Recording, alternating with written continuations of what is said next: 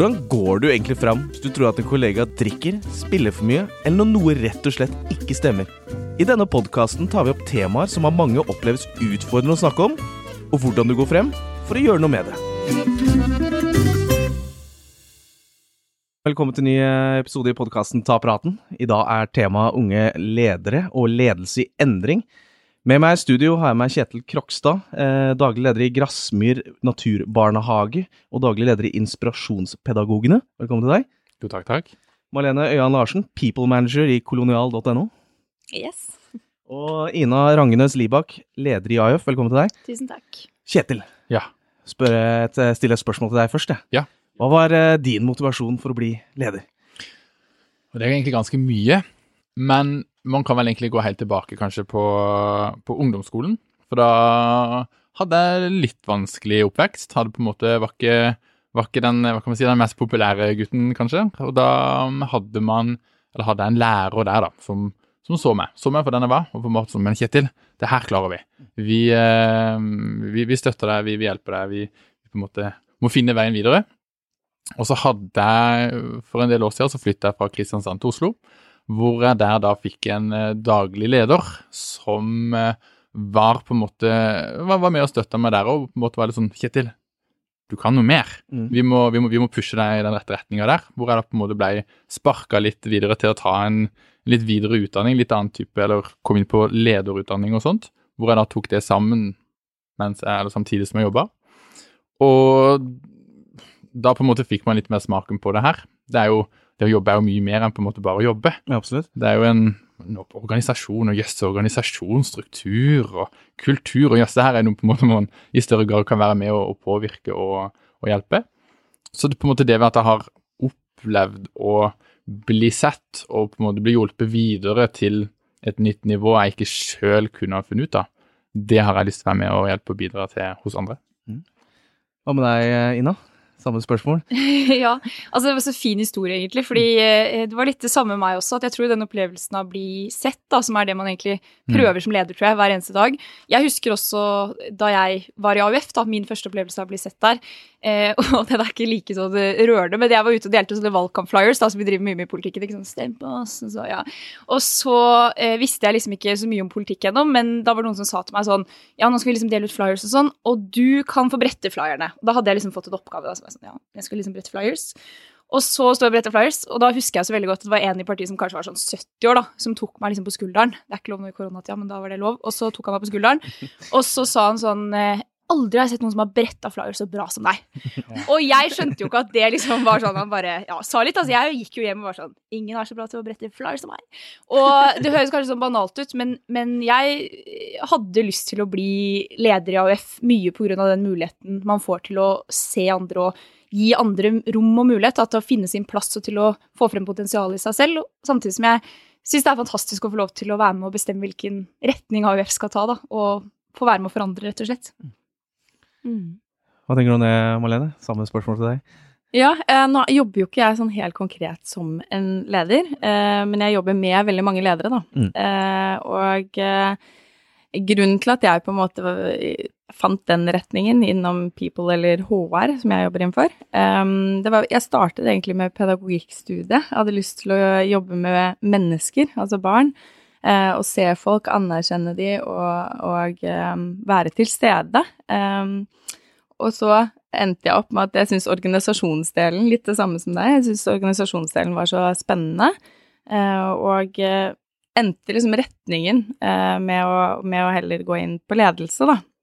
Så det er litt sånn hovedgrunnen for hvorfor jeg jobber i det jeg gjør, er egentlig fordi jeg har lyst til å hjelpe andre ledere til å hjelpe de til å bli bedre igjen, da. Så i disse dager eh, begynte jo å fortelle litt om ledelse i endring. Eh, er det noen utfordringer, eller hvordan Eller hva tenker man er god ledelse i dag? I dag? Jeg tenker egentlig litt på en måte som du var inne på, Ina, om det her med den der, der lille touchen, den der skuldra, nei, hånda på skuldra med at det er sånn, Å, fantastisk hvor god du er til å faktisk brette flyers. Det er jo på en måte i tida nå, for eksempel, hvor man kanskje også er litt mer alene, og hvor man sitter mer inne òg, så er det mye vanskeligere å bli anerkjent og bli sett for de små tingene man faktisk gjør. Og da er det jo litt jobben til en leder å på en måte være på å se de tingene, Om det så er at eh, du gjør en eh, fantastisk jobb i en e-post du sender, eller om det på en måte er hvordan du er med eller på med personalet, eller hva man på en måte gjør, Mm. så ser man det jo mye lettere i det daglige, selvfølgelig, hvor man på en måte møter folk. Men, men det gjelder litt det å være litt på òg, som en leder, og se hva er det faktisk personalet gjør. Mm. Hvor, kan, hvor kan jeg bidra igjen for motivasjon? Har du bretta en flyers, så er det faktisk sykt bra. Mm. Og så er det jo noe med altså, ledelse i endring. Vi er jo absolutt i endring i samfunnet på en måte nå, da. Ja, under eh, en pandemi, eh, korona. Uh, det har vært helt annerledes å skulle være en leder nå, tror jeg. Uh, ute på gulvet. Det kan vel dere forklare enda bedre enn meg. Men det er jo klart at det, det er jo en, en helt uforutsett endring, som kanskje ikke er Det har jo ikke vært et ønskelig i det hele tatt, mens andre ganger så kommer det jo endringer som fra organisasjonen eh, som helhet. Men eh, ja, jeg tror, jeg tror det har vært ganske tøft å stå i det. Det har vært mye redsel, det har vært frykt eh, blant ansatte. Nå har vi i kolonial.no vi har jo holdt oppe organisasjonen hele veien, og, og ble sett på også som en samfunnskritisk funksjon. Så ansatte må komme på jobb fysisk, de, de må ta bussen til jobb og, og er ja, mer utsatt for smitte, da. Du skal levere til kunder hjemme. Så, så det å på en måte lede og motivere riktig der, i den endringen, eh, det tror jeg har vært kjempeviktig. Ja. mm. Og vanskelig, ikke Ja, minst. Mm. Hvordan har dere gjort det, da? Når folk har vært liksom For det må jo ha vært en del som ja, kanskje har vært redde, eller sånn. Hva har dere gjort liksom praktisk da, på en måte? Ja, vi har, eh, vi har jo på en måte vært veldig mye tettere på, eh, og vi har eh, kommunisert ut mye, mye informasjon. Heller for mye enn for lite, på en måte. Så vi har hatt ukentlige Tre ganger i uken startet vi med å ha informasjon fra ledelsen om de nye endringene, eller om smittevernstiltak. Eh, vi hadde en egen sånn task force-gruppe som jobbet med korona.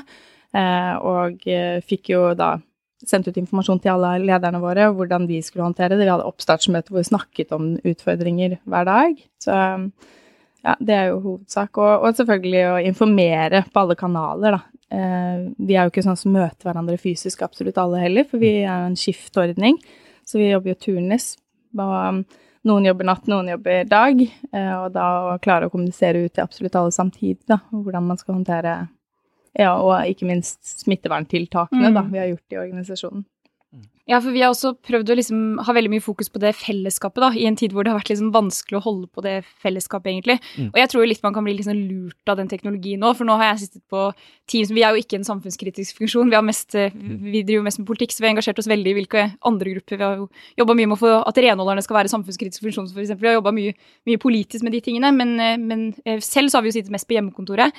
Men jeg opplever jo litt at det er mye bra med det digitale, men det er jo heller ikke det samme. Så liksom skjønne de begrensningene òg, da. Og det er en sånn ting som jeg føler jeg har lært litt gjennom koronatiden, at jeg tror jo i vår generasjon så kommer det til å komme store endringer både på digitalisering og på nye muligheter, og at man ikke glemmer det menneskelige aspektet. da, At eh, til syvende og sist så er liksom ledelse det det alltid har vært. på en måte, Bygge Mm. lag og se hverandre og, eh, og alle de tingene. Og så har jeg i hvert fall følt kanskje litt gjennom koronatiden at eh, eh, man kanskje blir litt flinkere til å skille viktig fra uviktig. At det er jo en del møter man har hatt før som i koronatiden har forsvunnet, så jeg tenkte sånn, det har egentlig vært helt greit, på en måte, hvis dere skjønner hva jeg mener. Eh, og en del sånne ting jeg har engasjert meg i politisk, og som jeg har tenkt sånn, dette er egentlig ikke det viktigste. At man kanskje får litt tid til å tenke litt lenger, da. Eh, være litt innovativ og, og drømme litt større, kanskje. Fordi man får liksom rom til det, at det ikke bare blir liksom dag til dag og masse møter.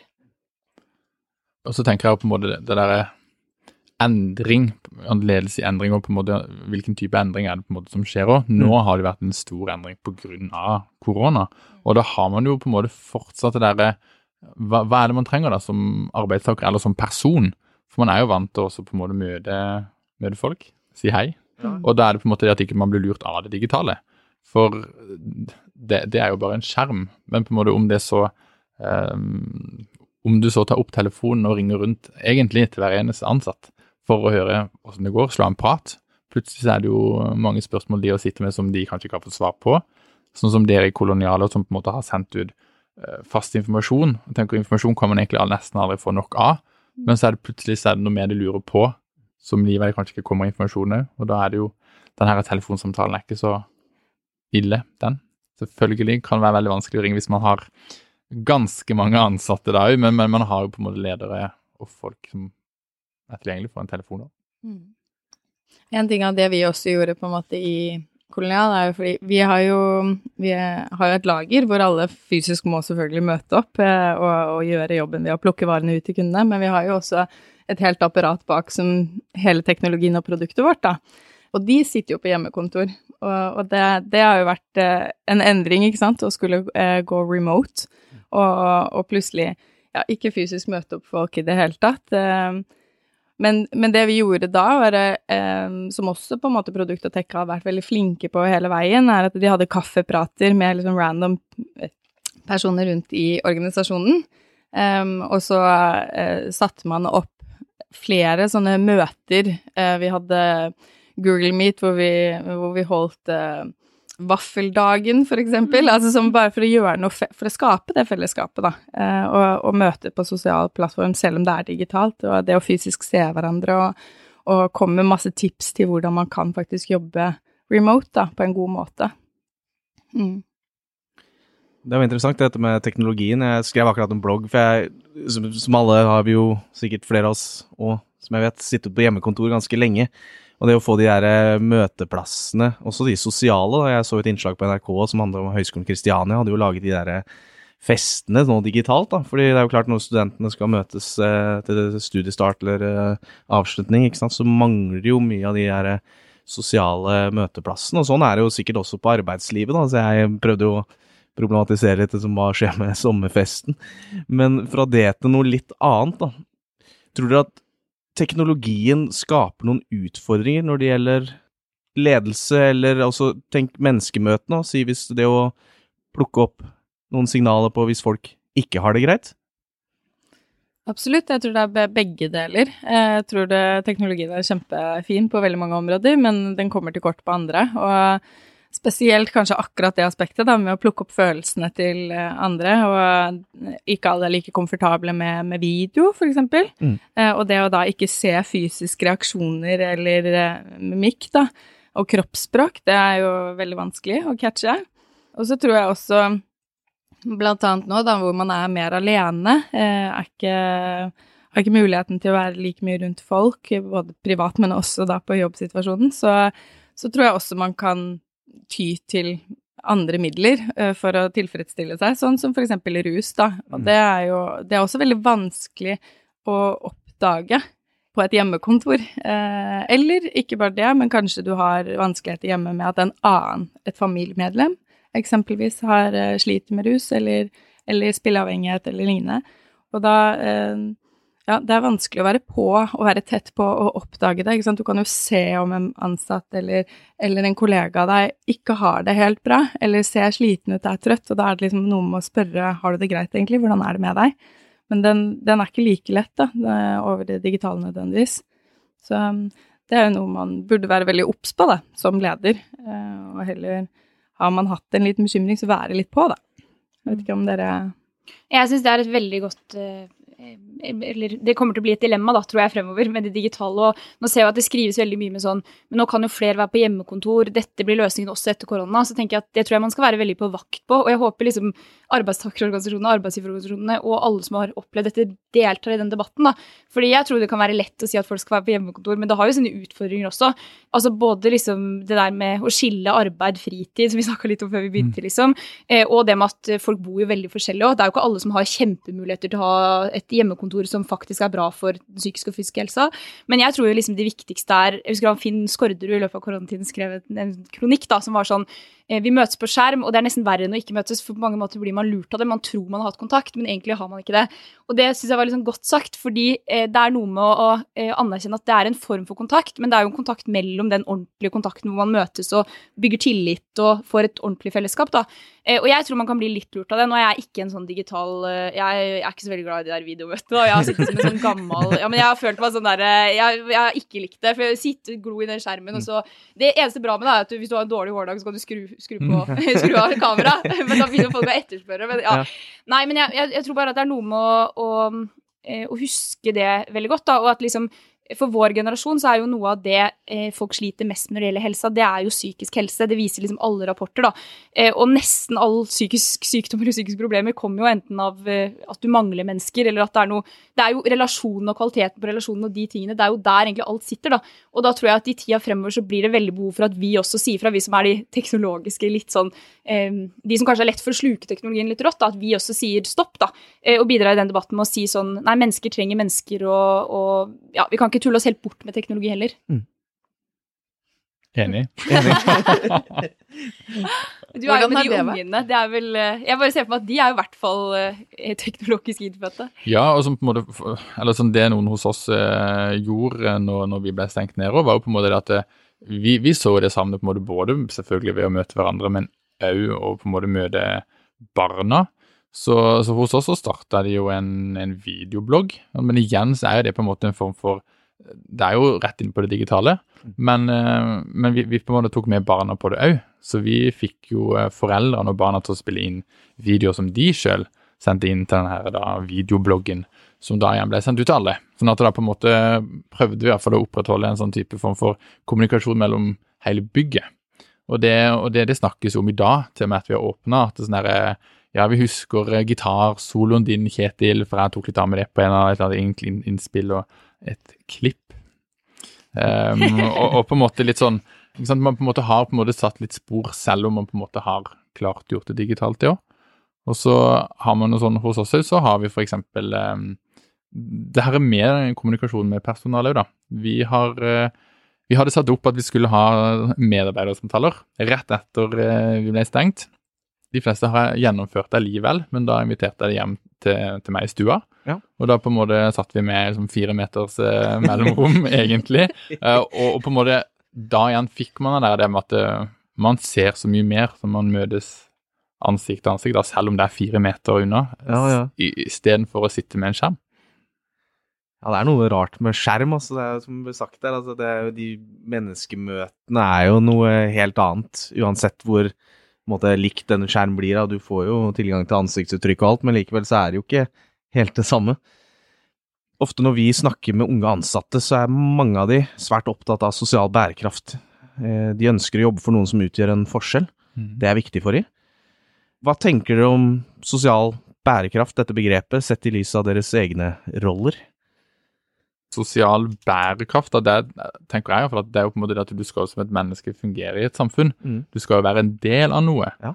Og, og det er jo på en måte vår jobb, tenker jeg, som, som leder å, å la folk få lov til å bli, være med og bli en del av et samfunn.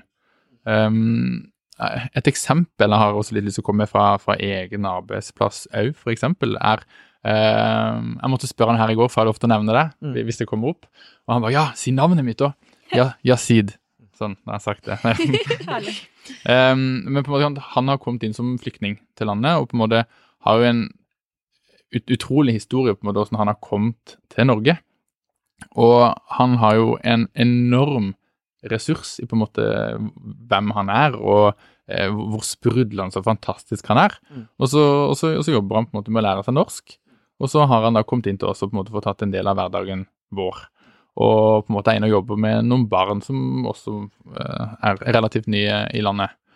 Og, eh, og på en måte det med den betydninga, eller på en måte den endringa vi på en måte kan være med og gjøre der, for han blir jo på en måte integrert i, i både samfunnet, men på en måte også det å bli, bli kjent som ny i et land, som ny på et sted. Om du så på en måte flytter fra Vestlandet til Østlandet, eller om du kommer fra et annet land til Norge, så må du jo på en måte bygge deg opp et sosialt nettverk der òg. Og da også ved å på en måte bli integrert i en arbeidsplass eller en, et sosialt samfunn, bli en del av et mangfold, kjenne, eller bli, bli kjent med sin plass, så blir man, man blir inkludert. Og den betydninga vi ser på en måte det har jo hvorfor for han, han er jo her en dag så kom han plutselig, når han skulle gå, så kjørte han bilen bort til porten og skrudde på musikken med en fantastisk eh, arabisk sang, og sto og dansa. Hadde det så moro. Og på en måte helt fantastisk. Det hadde jo aldri vi funnet på å gjøre. Og, og eh, han, han, ble, han er jo blitt invitert med på både julebord og sommerfester og på en måte det ene og det andre arrangementer vi har. Det er jo veldig hyggelig og flott å på en måte kunne være med, uansett hvem det er. Å være med og kunne bidra til at de også på en måte oppnår den herre Om du så har en mestringsfølelse eller en tilhørighetsfølelse, eller at det Igjen, jeg likte så godt eksempelet med på en måte det å brette flyersen, om det på en måte så er at det, du har eh, hatt en fantastisk lek med et barn, at du altså faktisk får en tilbakemelding på det. Her så, her så man på en måte din styrke. Man, at man på en måte får fokuset på litt det man ønsker, istedenfor at om du f.eks. har utfordringer som man kanskje ikke kjenner til, eller om det er noe man syns er vanskelig, Mm. så blir man på en måte minnet på at man har faktisk en annen gave eller en annen kunnskap òg. Mm. Og så tror jeg det ligger noe i det med sosial bærekraft at du også skal se på en måte hele mennesket. Mm. Eh, ikke bare nødvendigvis det syv til eh, åtte timers menneske du er på jobb, men også hva som faktisk skjer i etterkant av, av jobbtiden. Veldig mange, litt sånn som du var inne på, altså nå en flyktning, men eh, også i kolonial.no så er vi et veldig mangfoldig mi miljø. og og, og uh, veldig mange har ulike utfordringer eh, på hjemmebane, og det er noe med vårt samfunnsansvar da, som arbeidsgiver å klare å se det og forstå det, men også å legge til rette for at det, det kan være vanskelig. Og, og, da skal vi hjelpe til på et eller annet vis, da. Eh, så det tror jeg er kjempeviktig. Og, og eksempelvis hos oss så har vi også mange som ikke er norsktalende, så vi kjører også norskkurs for å lære dem opp i dette, ikke sant for å prøve å integrere dem da, best mulig inn i organisasjonen. Så jeg tror, jeg tror det handler mye om å, å, forstå at det er forskjellige kulturer eh, utenom, og eh, ikke minst at eh, de tar med seg ulike verdier inn på arbeidsplassen. Hos oss så er det mange ansatte som har første møte med arbeidsplassen. De vet ikke hvilke rutiner og regler eller man trenger å forholde seg til, spesielt i norsk arbeidsliv. De er vant til noe helt annet i, fra hjemlandene sine. Så, så, det er noe med å på en måte være der, støtte, bidra, og, og også eh, ikke komme med pekefinger, men heller forstå og akseptere at eh, Og prøve å forklare, da. For å skape liksom tillit, da. Tror jeg er veldig, veldig viktig. Mm. Og så tenker jeg litt det her også med mangfold òg. Det er jo sånn ja, eller sånn, Jeg jobber i barnehage, der har man kanskje i mange år stereotypisk tenkt mangfold, det er mann-kvinne, vi må ha en menn. Men det er jo helt feil. Uh, mangfold er jo så mye mer. Og der tenker jeg på en måte at barn som er i en barnehage eller en skole, de må bli kjent med mangfoldet som finnes i Norge. Mm. Eh, jo mer de òg blir kjent med det, jo mer kan man på en måte allerede eh, være med å påvirke framtida. For barna er jo framtida. Det er jo de som skal på en måte ta over landet etter hvert. Og erfaringer de gjør tidlig, vil jo være med å påvirke de sine relasjoner og forhold til møter de vil ha senere i livet. Og da, ved at man på en måte allerede kan ta inn eller ha et, en sånn type form av mangfold på en arbeidsplass, det er bare helt fantastisk. Vi hadde en gang en samtale med en som ønska å ha praksisplass hos, hos oss. Hvor, hvor, han hadde med seg en, sånn, en, en veileder da, fra, fra der, der, de kom ifra. Og hvor han sa sånn Men jeg har en veldig vanskelig ting jeg må fortelle dere, nå som jeg sitter her i samtale med dere. og Det var det at han hadde, han hadde drevet med rus. Og han hadde også på politiattesten sin, så hadde han da eh, en, Hva heter det? Han hadde, han hadde, en bemerkning på politiattesten hvor han hadde vært i besittelse av narkotika. Mm. Og han som person ga jo et helt fantastisk inntrykk, og på en måte bare det også at du sitter og faktisk og er ærlig om det, du viser at du det her har du faktisk lært noe, du har reflektert du, altså han, han, var så åpen og ærlig om det. Det, det hadde jo ingenting å si for oss at han hadde det her på politiattesten sin. Det er jo ikke et hinder for at du eh, ikke skal få jobbe i en barnehage, f.eks. Hadde du hatt overgrep, da er, da er du aktuelt. Men du som person er jo på en måte du som person. Og det er jo verdiene dine, hvem du er. Det er jo det som er på en måte interessant inn i et arbeidsliv. Mm. Inn i den sosiale bærekraften. Mm. Yeah. På hvilken måte tenker du at uh, dere, sett i lys av deres roller, kan løfte viktigheten av rus- og spillforebyggende arbeid uh, på egen arbeidsplass? Det er et godt spørsmål. Uh, jeg tror at man må tørre å, å, å snakke om det i det hele tatt, fordi det kan være en litt sånn tabubelagt tema å snakke om rus, eh, men å gjøre det mer allmenngjort. Eh, vi opplevde i kolonial.no at, eh, altså, at, ikke alle ansatte visste egentlig helt hva Akan var, da. Så det vi gjorde, var at vi, vi arrangerte noe som het en Akan-dag. um, hvor vi sto i kantinen nede uh, hos oss og, og, serverte måte brus og boller og kaker og gjorde det litt mer sånn til en fest, egentlig. Hadde svære sånne flyers fra, som vi lånte fra Akan kompetansesenter, hva egentlig dette hva budskapet er, hva det står for. Og så kjørte vi en quiz og gjorde det liksom mer til en, en temadag, da. Um, og, og, skapte mye mer sånn nysgjerrighet og også åpenhet for hva det temaet er. Og da fikk jeg en del Vi sto jo alle da fra Akan-medlemmene i, i kolonial.no sto jo til rådighet for å kunne besvare på spørsmål. Og det jeg opplevde, var at veldig mange eh, hadde misforstått. Eh, og det, det, var egentlig veldig fint, fordi det, det, ga oss en anledning for å nettopp eh, gjøre noe med det, da.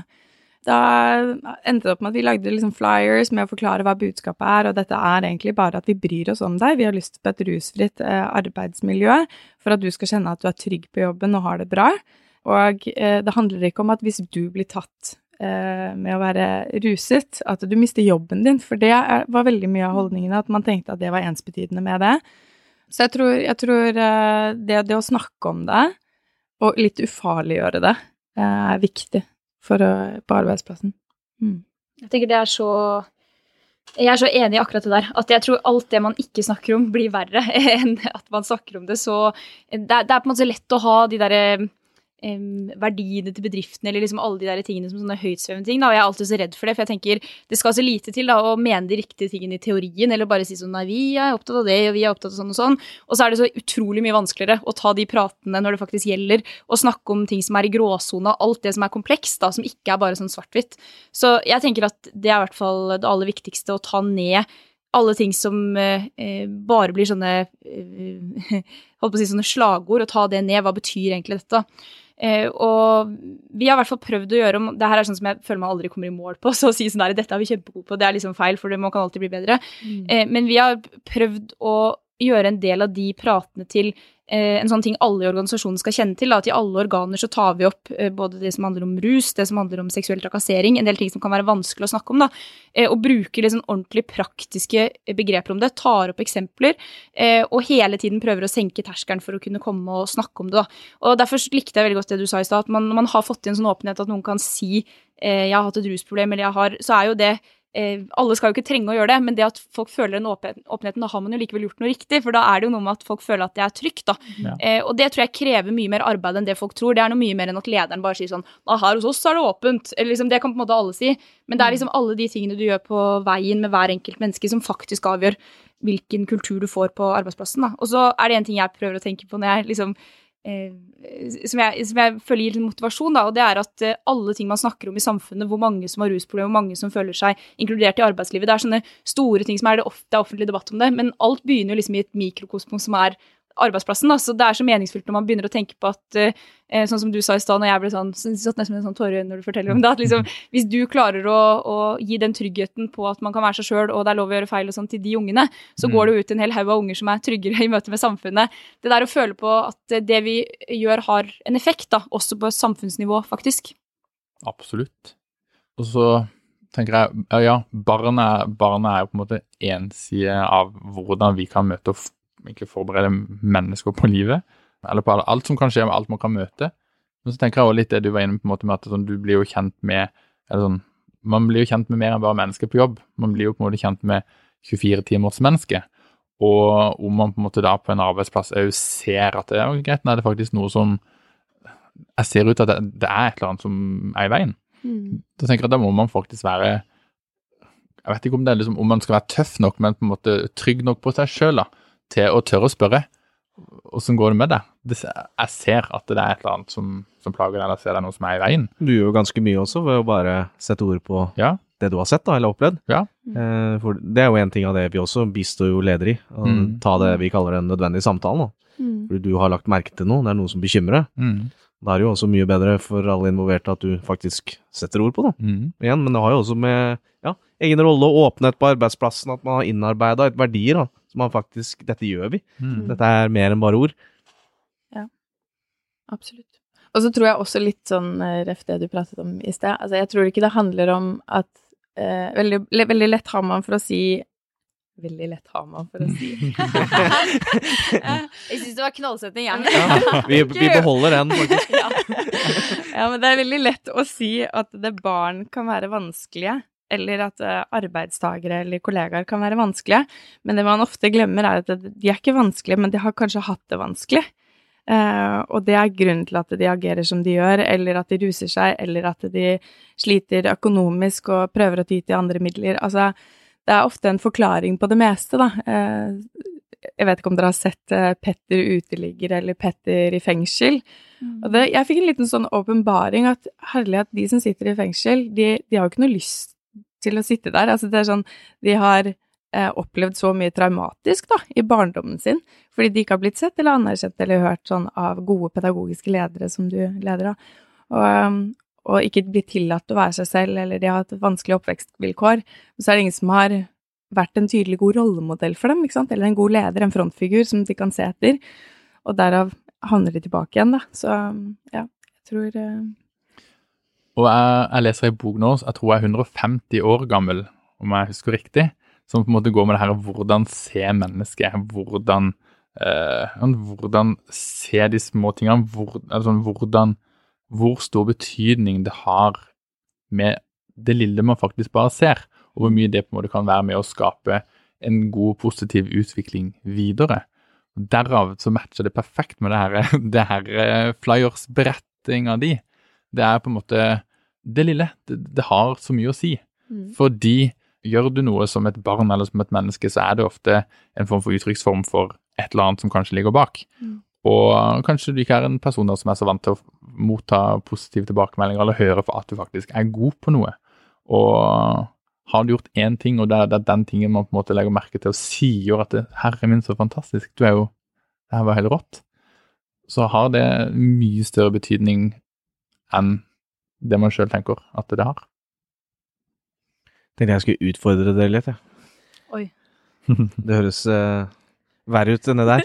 Uh, når vi er inne på praten om rus og spillforebyggende arbeid, så er jeg litt interessert i sånn språk, kanaler, budskap. Hva tenker dere skal til for at vi i større grad uh, klarer å få dette relevant for yngre ansatte? Jeg tenker det handler om å få et sunt forhold til det òg. Husker vi hadde noe på middag hjemme hos oss for en stund siden, hvor vi spurte har dere lyst til å ha et glass vin til maten. Og de sa hæ, vin til mat? Nei, det har vi bare på fest. Og det, og, og det er jo ikke det. Det er jo på en måte sånn, Hva er det man er vokst opp med, hva, hva er det man er lært av fra man var liten?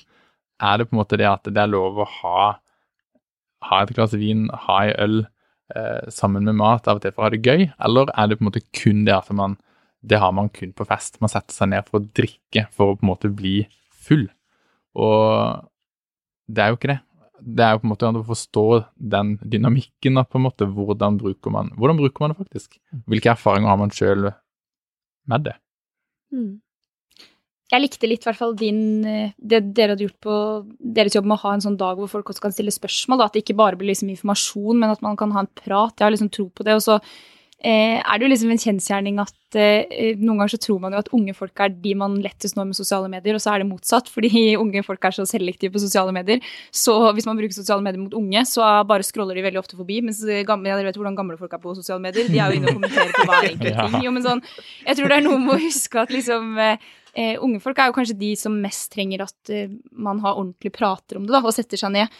Og generelt så tenker jeg at liksom dialog og det der å eh, Man husker bedre ting om man har vært interaktivt, da. Så jeg har nok mer tro på det enn eh, Selv om man trenger info i tillegg, liksom. Mm. Og så tenker jeg at det er litt det å gi dem på en måte sunne erfaringer òg. For det er på en måte hva som ung, på en måte hvor eh, det varierer selvfølgelig fra person til person, men bare sånn for vår del, som også er en naturbarnehage hvor vi er mye ute, eh, hvor, hvor, mye erfaring og opplevelser har unge mennesker fra naturen? Hva har de erfart der? Hvilke minner har de med seg, som på en måte igjen kan være med videre for å da påvirke hva de gjør seinere? Um, vi hadde en overnattingstur med personalet ute i skauen f.eks., hvor vi hadde liksom lagt opp til en hel dag ute hvor det raskt ble definert av noen av eh, personalet at nå var det konkurranse. Og det er sånn, Nei, det er jo ikke konkurranse. Her er det på en måte når man skal på oppdrag, man skal oppdage nye ting, man skal bli bedre kjent. Og der igjen på en måte da, så er jo Man kan jo på kanten dra konkurranser inn mot en form for ja, spillavhengighet der òg, men da gjerne på en måte vise de en, egentlig en Gi de da en sunn opplevelse av det. Jeg kommer ikke på riktig ord, men ja. Mm. På en måte gi de den riktige opplevelsen da, i form av konkurranse er ikke bare en konkurranse. Her er det på en måte en, en, en positiv opplevelse, da. Mm. Men jeg tenker det er viktig å vise at det finnes andre alternativer ja. enn enn en rus, enn alkohol. Mm. For at man må ikke ha rus og alkohol for å ha det gøy. Og Det er det jeg på en måte mener. Dra da, dra søren ut i skauen, da. Gjør noe der. Gi de erfaringer som ikke automatisk inneholder alkohol eller rusmidler. Og, og, jeg tror det er en del som ikke har det, da, fordi vi er jo en rusfri organisasjon. Vi har en paragraf som alle kjenner til, paragraf 8, hvor det står at vi ikke eh, skal ruse. Det er fordi alle skal kunne være med, og det er jo mindreårige som er med på arrangementene. Og jeg syns jo det er eh, veldig fint. Og, én ting er jo på en måte at, eh, at det er mye bedre å ha ansvar for ting òg, når man er leder, når det ikke er liksom alkohol og det er liksom, det er, Du skulle bare mangle at det er rusfritt. Men jeg har også tenkt på det mange ganger at eh, for noen av de medlemmene vi har, så er jo kanskje det eh, et sted hvor de også syns det er trygt å være, da. Fordi vi vet jo at det er folk hos oss også som eh, kanskje hvor foreldrene har problemer med alkohol hjemme, så vet de at de kan dra på helgekurs med AUF, og det er et trygt sted, og de vet at det ikke er rus der, da. Så det der med å, å vise frem liksom trygge miljøer, det er ikke alle som har det, at man ikke tar som en selvfølge, da. At det er noe alle er kjent med.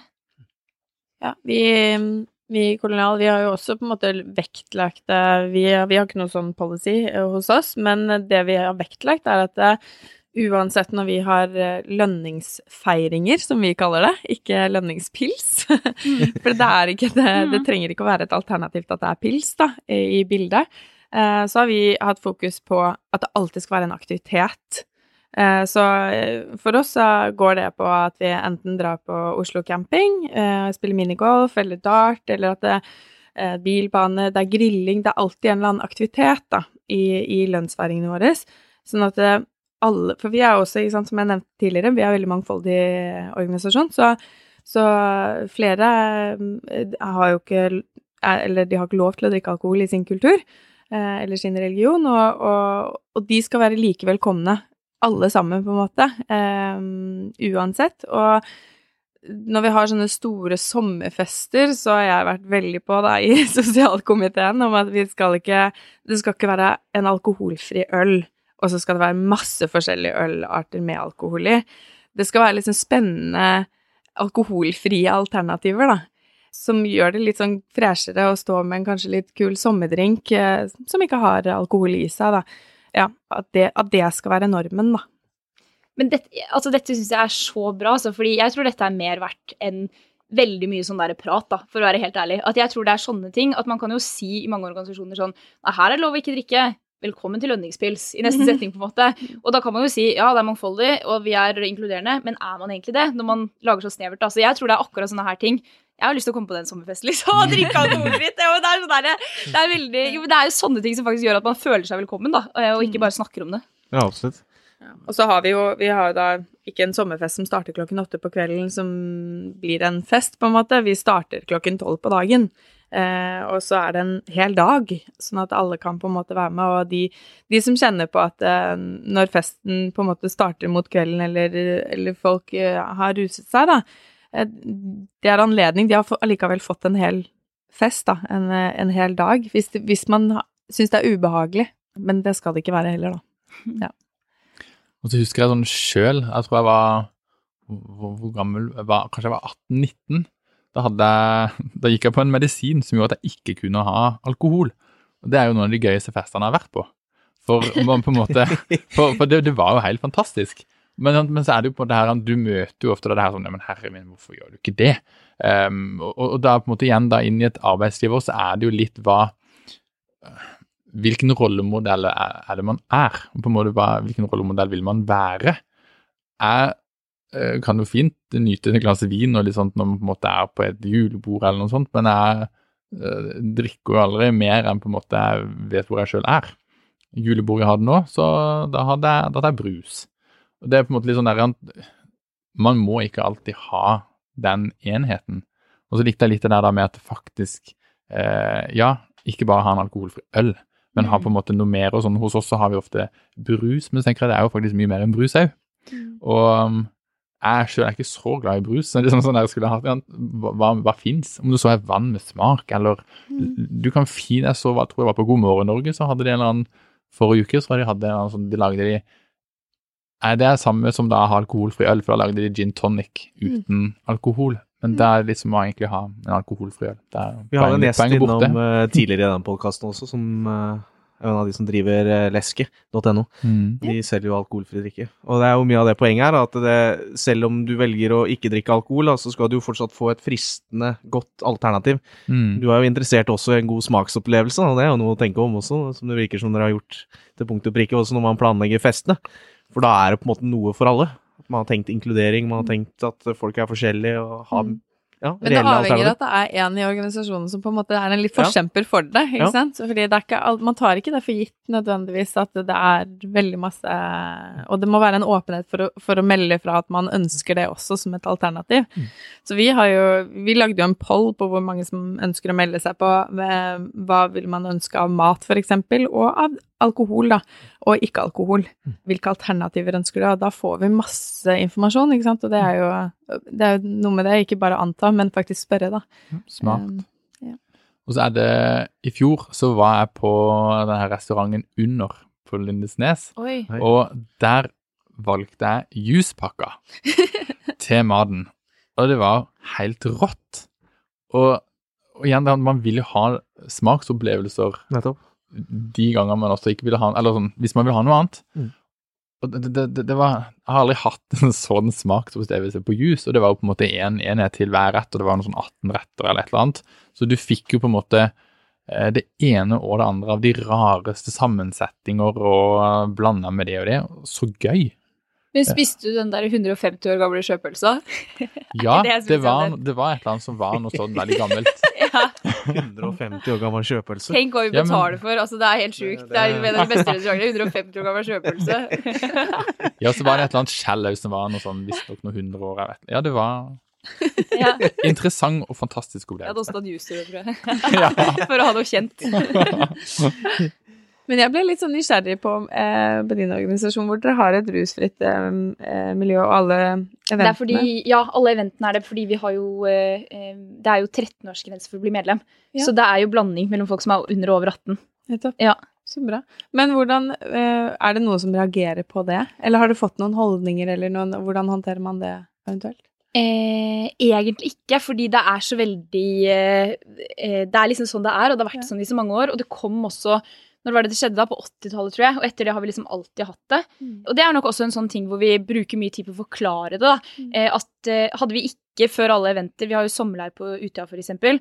Og det er jo veldig sånn festivalstemning, og mye, sånn, mye er festivalaktig. Men da går vi alltid gjennom alle fylkene på forhånd og sier hvorfor eh, vi mener det skal være trygt for alle, hvorfor det ikke er lov med alkohol der.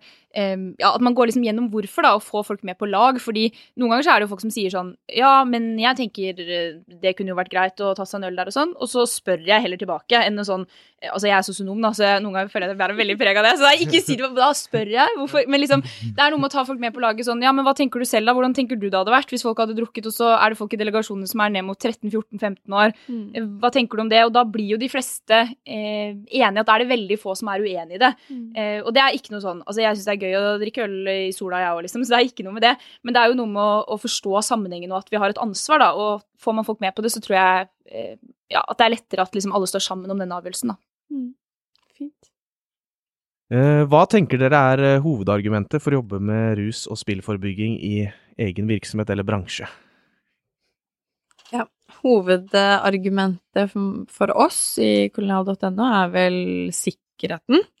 Og grunnen til det er fordi vi har tungt maskineri inne på lageret vårt. Eh, vi har samlebåndfunksjon som gjør at eh, hvis du gjør én feil der, eller kommer på jobb sliten, trøtt eh, Du trenger ikke å ruse deg av den grunn, men er du litt uoppmerksom, så kan det ha veldig, veldig store konsekvenser.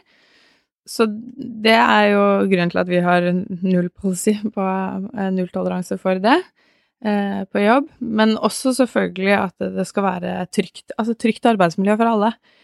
Mm. Jeg tenker det er jo På de fleste arbeidsplasser så er det vel en nullpolicy på på rus. Og det er jo på en måte, og Nå er det jo det også, som for eksempel hos oss og i en barnehage hver dag, og så skal du heller ikke gå ut i pausen for å ta deg en røyk, for eksempel, heller. For at på en måte om du så om du så røyker eller drikker, så lukter du ofte av det òg. Og det er jo på en måte liksom hva, hva opplever liksom rundt deg og da på det. Og så tenker jeg litt sånn der at eh, barnehaver og skoler landet rundt jobber på en måte for å på en måte gi alle like gode muligheter, uansett hvor, hvor de kommer fra, hvem de er. Og jeg er ikke helt sikker, men om jeg husker riktig, så jeg mener at det er om det er regjeringa Kanskje det er det at det måte, om det var innen 2030, så skal de ha det som et mål at alle skal fullføre videregående utdanning. Om jeg husker riktig, kan være jeg tar litt feil, men det er et eller annet der med at det, sånn, det er et mål om at flere skal fullføre skole, iallfall, og, og sånt. Og da på en måte tenker jeg at det, jo tidligere man begynner da å lære seg på en måte egentlig om livet med, og, og mangfoldet, hva, hva fins, hvilke muligheter har man, um, hvordan møter man som, både som et barn og som et menneske, hvordan møter man utfordringer? Hvordan takler man det sjøl? I, I barnehavet har man jo nå i rammeplanen for din psykisk helse. Men Hvordan jobber vi med det? Eh, evner du på en måte muligheten sjøl til å reflektere, eller på en måte hva, hva sjøl tenker man som et menneske oppe i situasjoner eh, som dukker opp? Og så tenker jeg litt sånn at arv og miljø er jo med å påvirke mye. Arv er det jo ikke så mye man kan gjøre noe med, men miljø, der kan man påvirke mye. Og da, da tenker jeg at da er barnehagen og skole en viktig arena, for der er man med å påvirke mye. Man kan være med å påvirke mye. Og nå er jo rammeplanen relativt ny i, i barnehage, og skole jo, jo, er jo godt i gang nå med ny, eh, nytt rammeverk for hos EU. Så jeg tenker på en måte at det, samfunnsmandatet til barnehage er at man skal jo bl.a. utjevne sosiale ulikheter. At man skal sikre like muligheter til alle. Og barna som går i barnehage og skole, de er jo framtida til Norge. Så derfor tenker jeg man, man jobber allerede forebyggende med det. Det er kommet inn i rammeverket til skole og barnehage allerede. Og så må man bare fortsette. Mm. Ja, og så tenker jeg at å forebygge er lettere enn å eh, behandle, på en måte. At det er noe med det også. At eh, hvis du er god på forebygging, og hvis du bruker tid på det i organisasjonen din, så handler det til syvende og sist om de menneskene. At eh, kanskje noen får liksom et eh, et bedre liv. Jeg, da jeg var, eh, gikk på sosionomstudiet, så hadde jeg praksis i rustjenesten. Og da tenkte jeg veldig mye på det, at vi, vi driver jo over hele linja egentlig veldig mye behandling og lite forebygging. da, Og klarer man å komme eh, inn tidsnok, liksom, og klarer man å gjøre det så kjent at det ikke blir en sånn stigmating, da. Jeg føler det er, det er, det er noe av det som er så viktig også, at eh, jo mer vi ikke snakker om ting, jo mer blir det bare i mørket, og så tenker man at dette er noe annet, dette har ingenting med meg å gjøre. Så holder man egentlig på å få et rusproblem uten at man ser det selv, fordi man ser for seg at rusmisbrukere, de er jo sånn. Eh, så det er noe med å bare få snakka om det som gjør at dette angår alle, og det kan skje med alle. Um, og, og, klarer vi forebygginga godt nok, så, så sparer vi, kan, kan, man spare veldig mye senere, og folk kan få brukt ressursene sine, da. Spar on. Mm. Og så hørte jeg faktisk i går en rektor på en skole som sa det at det, hvis vi ringer 113, så kommer, da kommer de. Men hvis man for da har du en synlig skade. eller sånn, da, da, Bang, så kommer de. Men hvis man da ringer eller ser noen som har, om det så er sliter med psykisk helse eller sliter med rusproblemer eller et eller annet, da kommer du inn i en vente, venteliste. Eller sånn, Da må du vente. Du på en måte er ikke rett på med en gang. Og hva er på en måte forskjellen? Nei, det er sikkert ikke til å spørre om det, men Men på en måte I mine øyne så er jo alt like viktig. Du skal jo redde et liv om du har eh, Om du ligger og holder på har, skada deg. Men samtidig, hvis du da er i starten av et rusproblem, fare for å falle ut av samfunnet, fare for å på en måte ikke bli falle ut da, så er jo det å tenke er vel så viktig. Vi alle er jo like mye verdt. Tusen takk til dere i studio for at dere ville være med i denne samtalen, og tusen takk til dere som lytta til denne episoden. Takk for at du lytta til podkasten. Husk å abonnere, så får du neste episode direkte inn på mobilen din. Ønsker du mer informasjon om hva du kan gjøre, så finner du det på akan.no. Er du bekymra? Ta praten.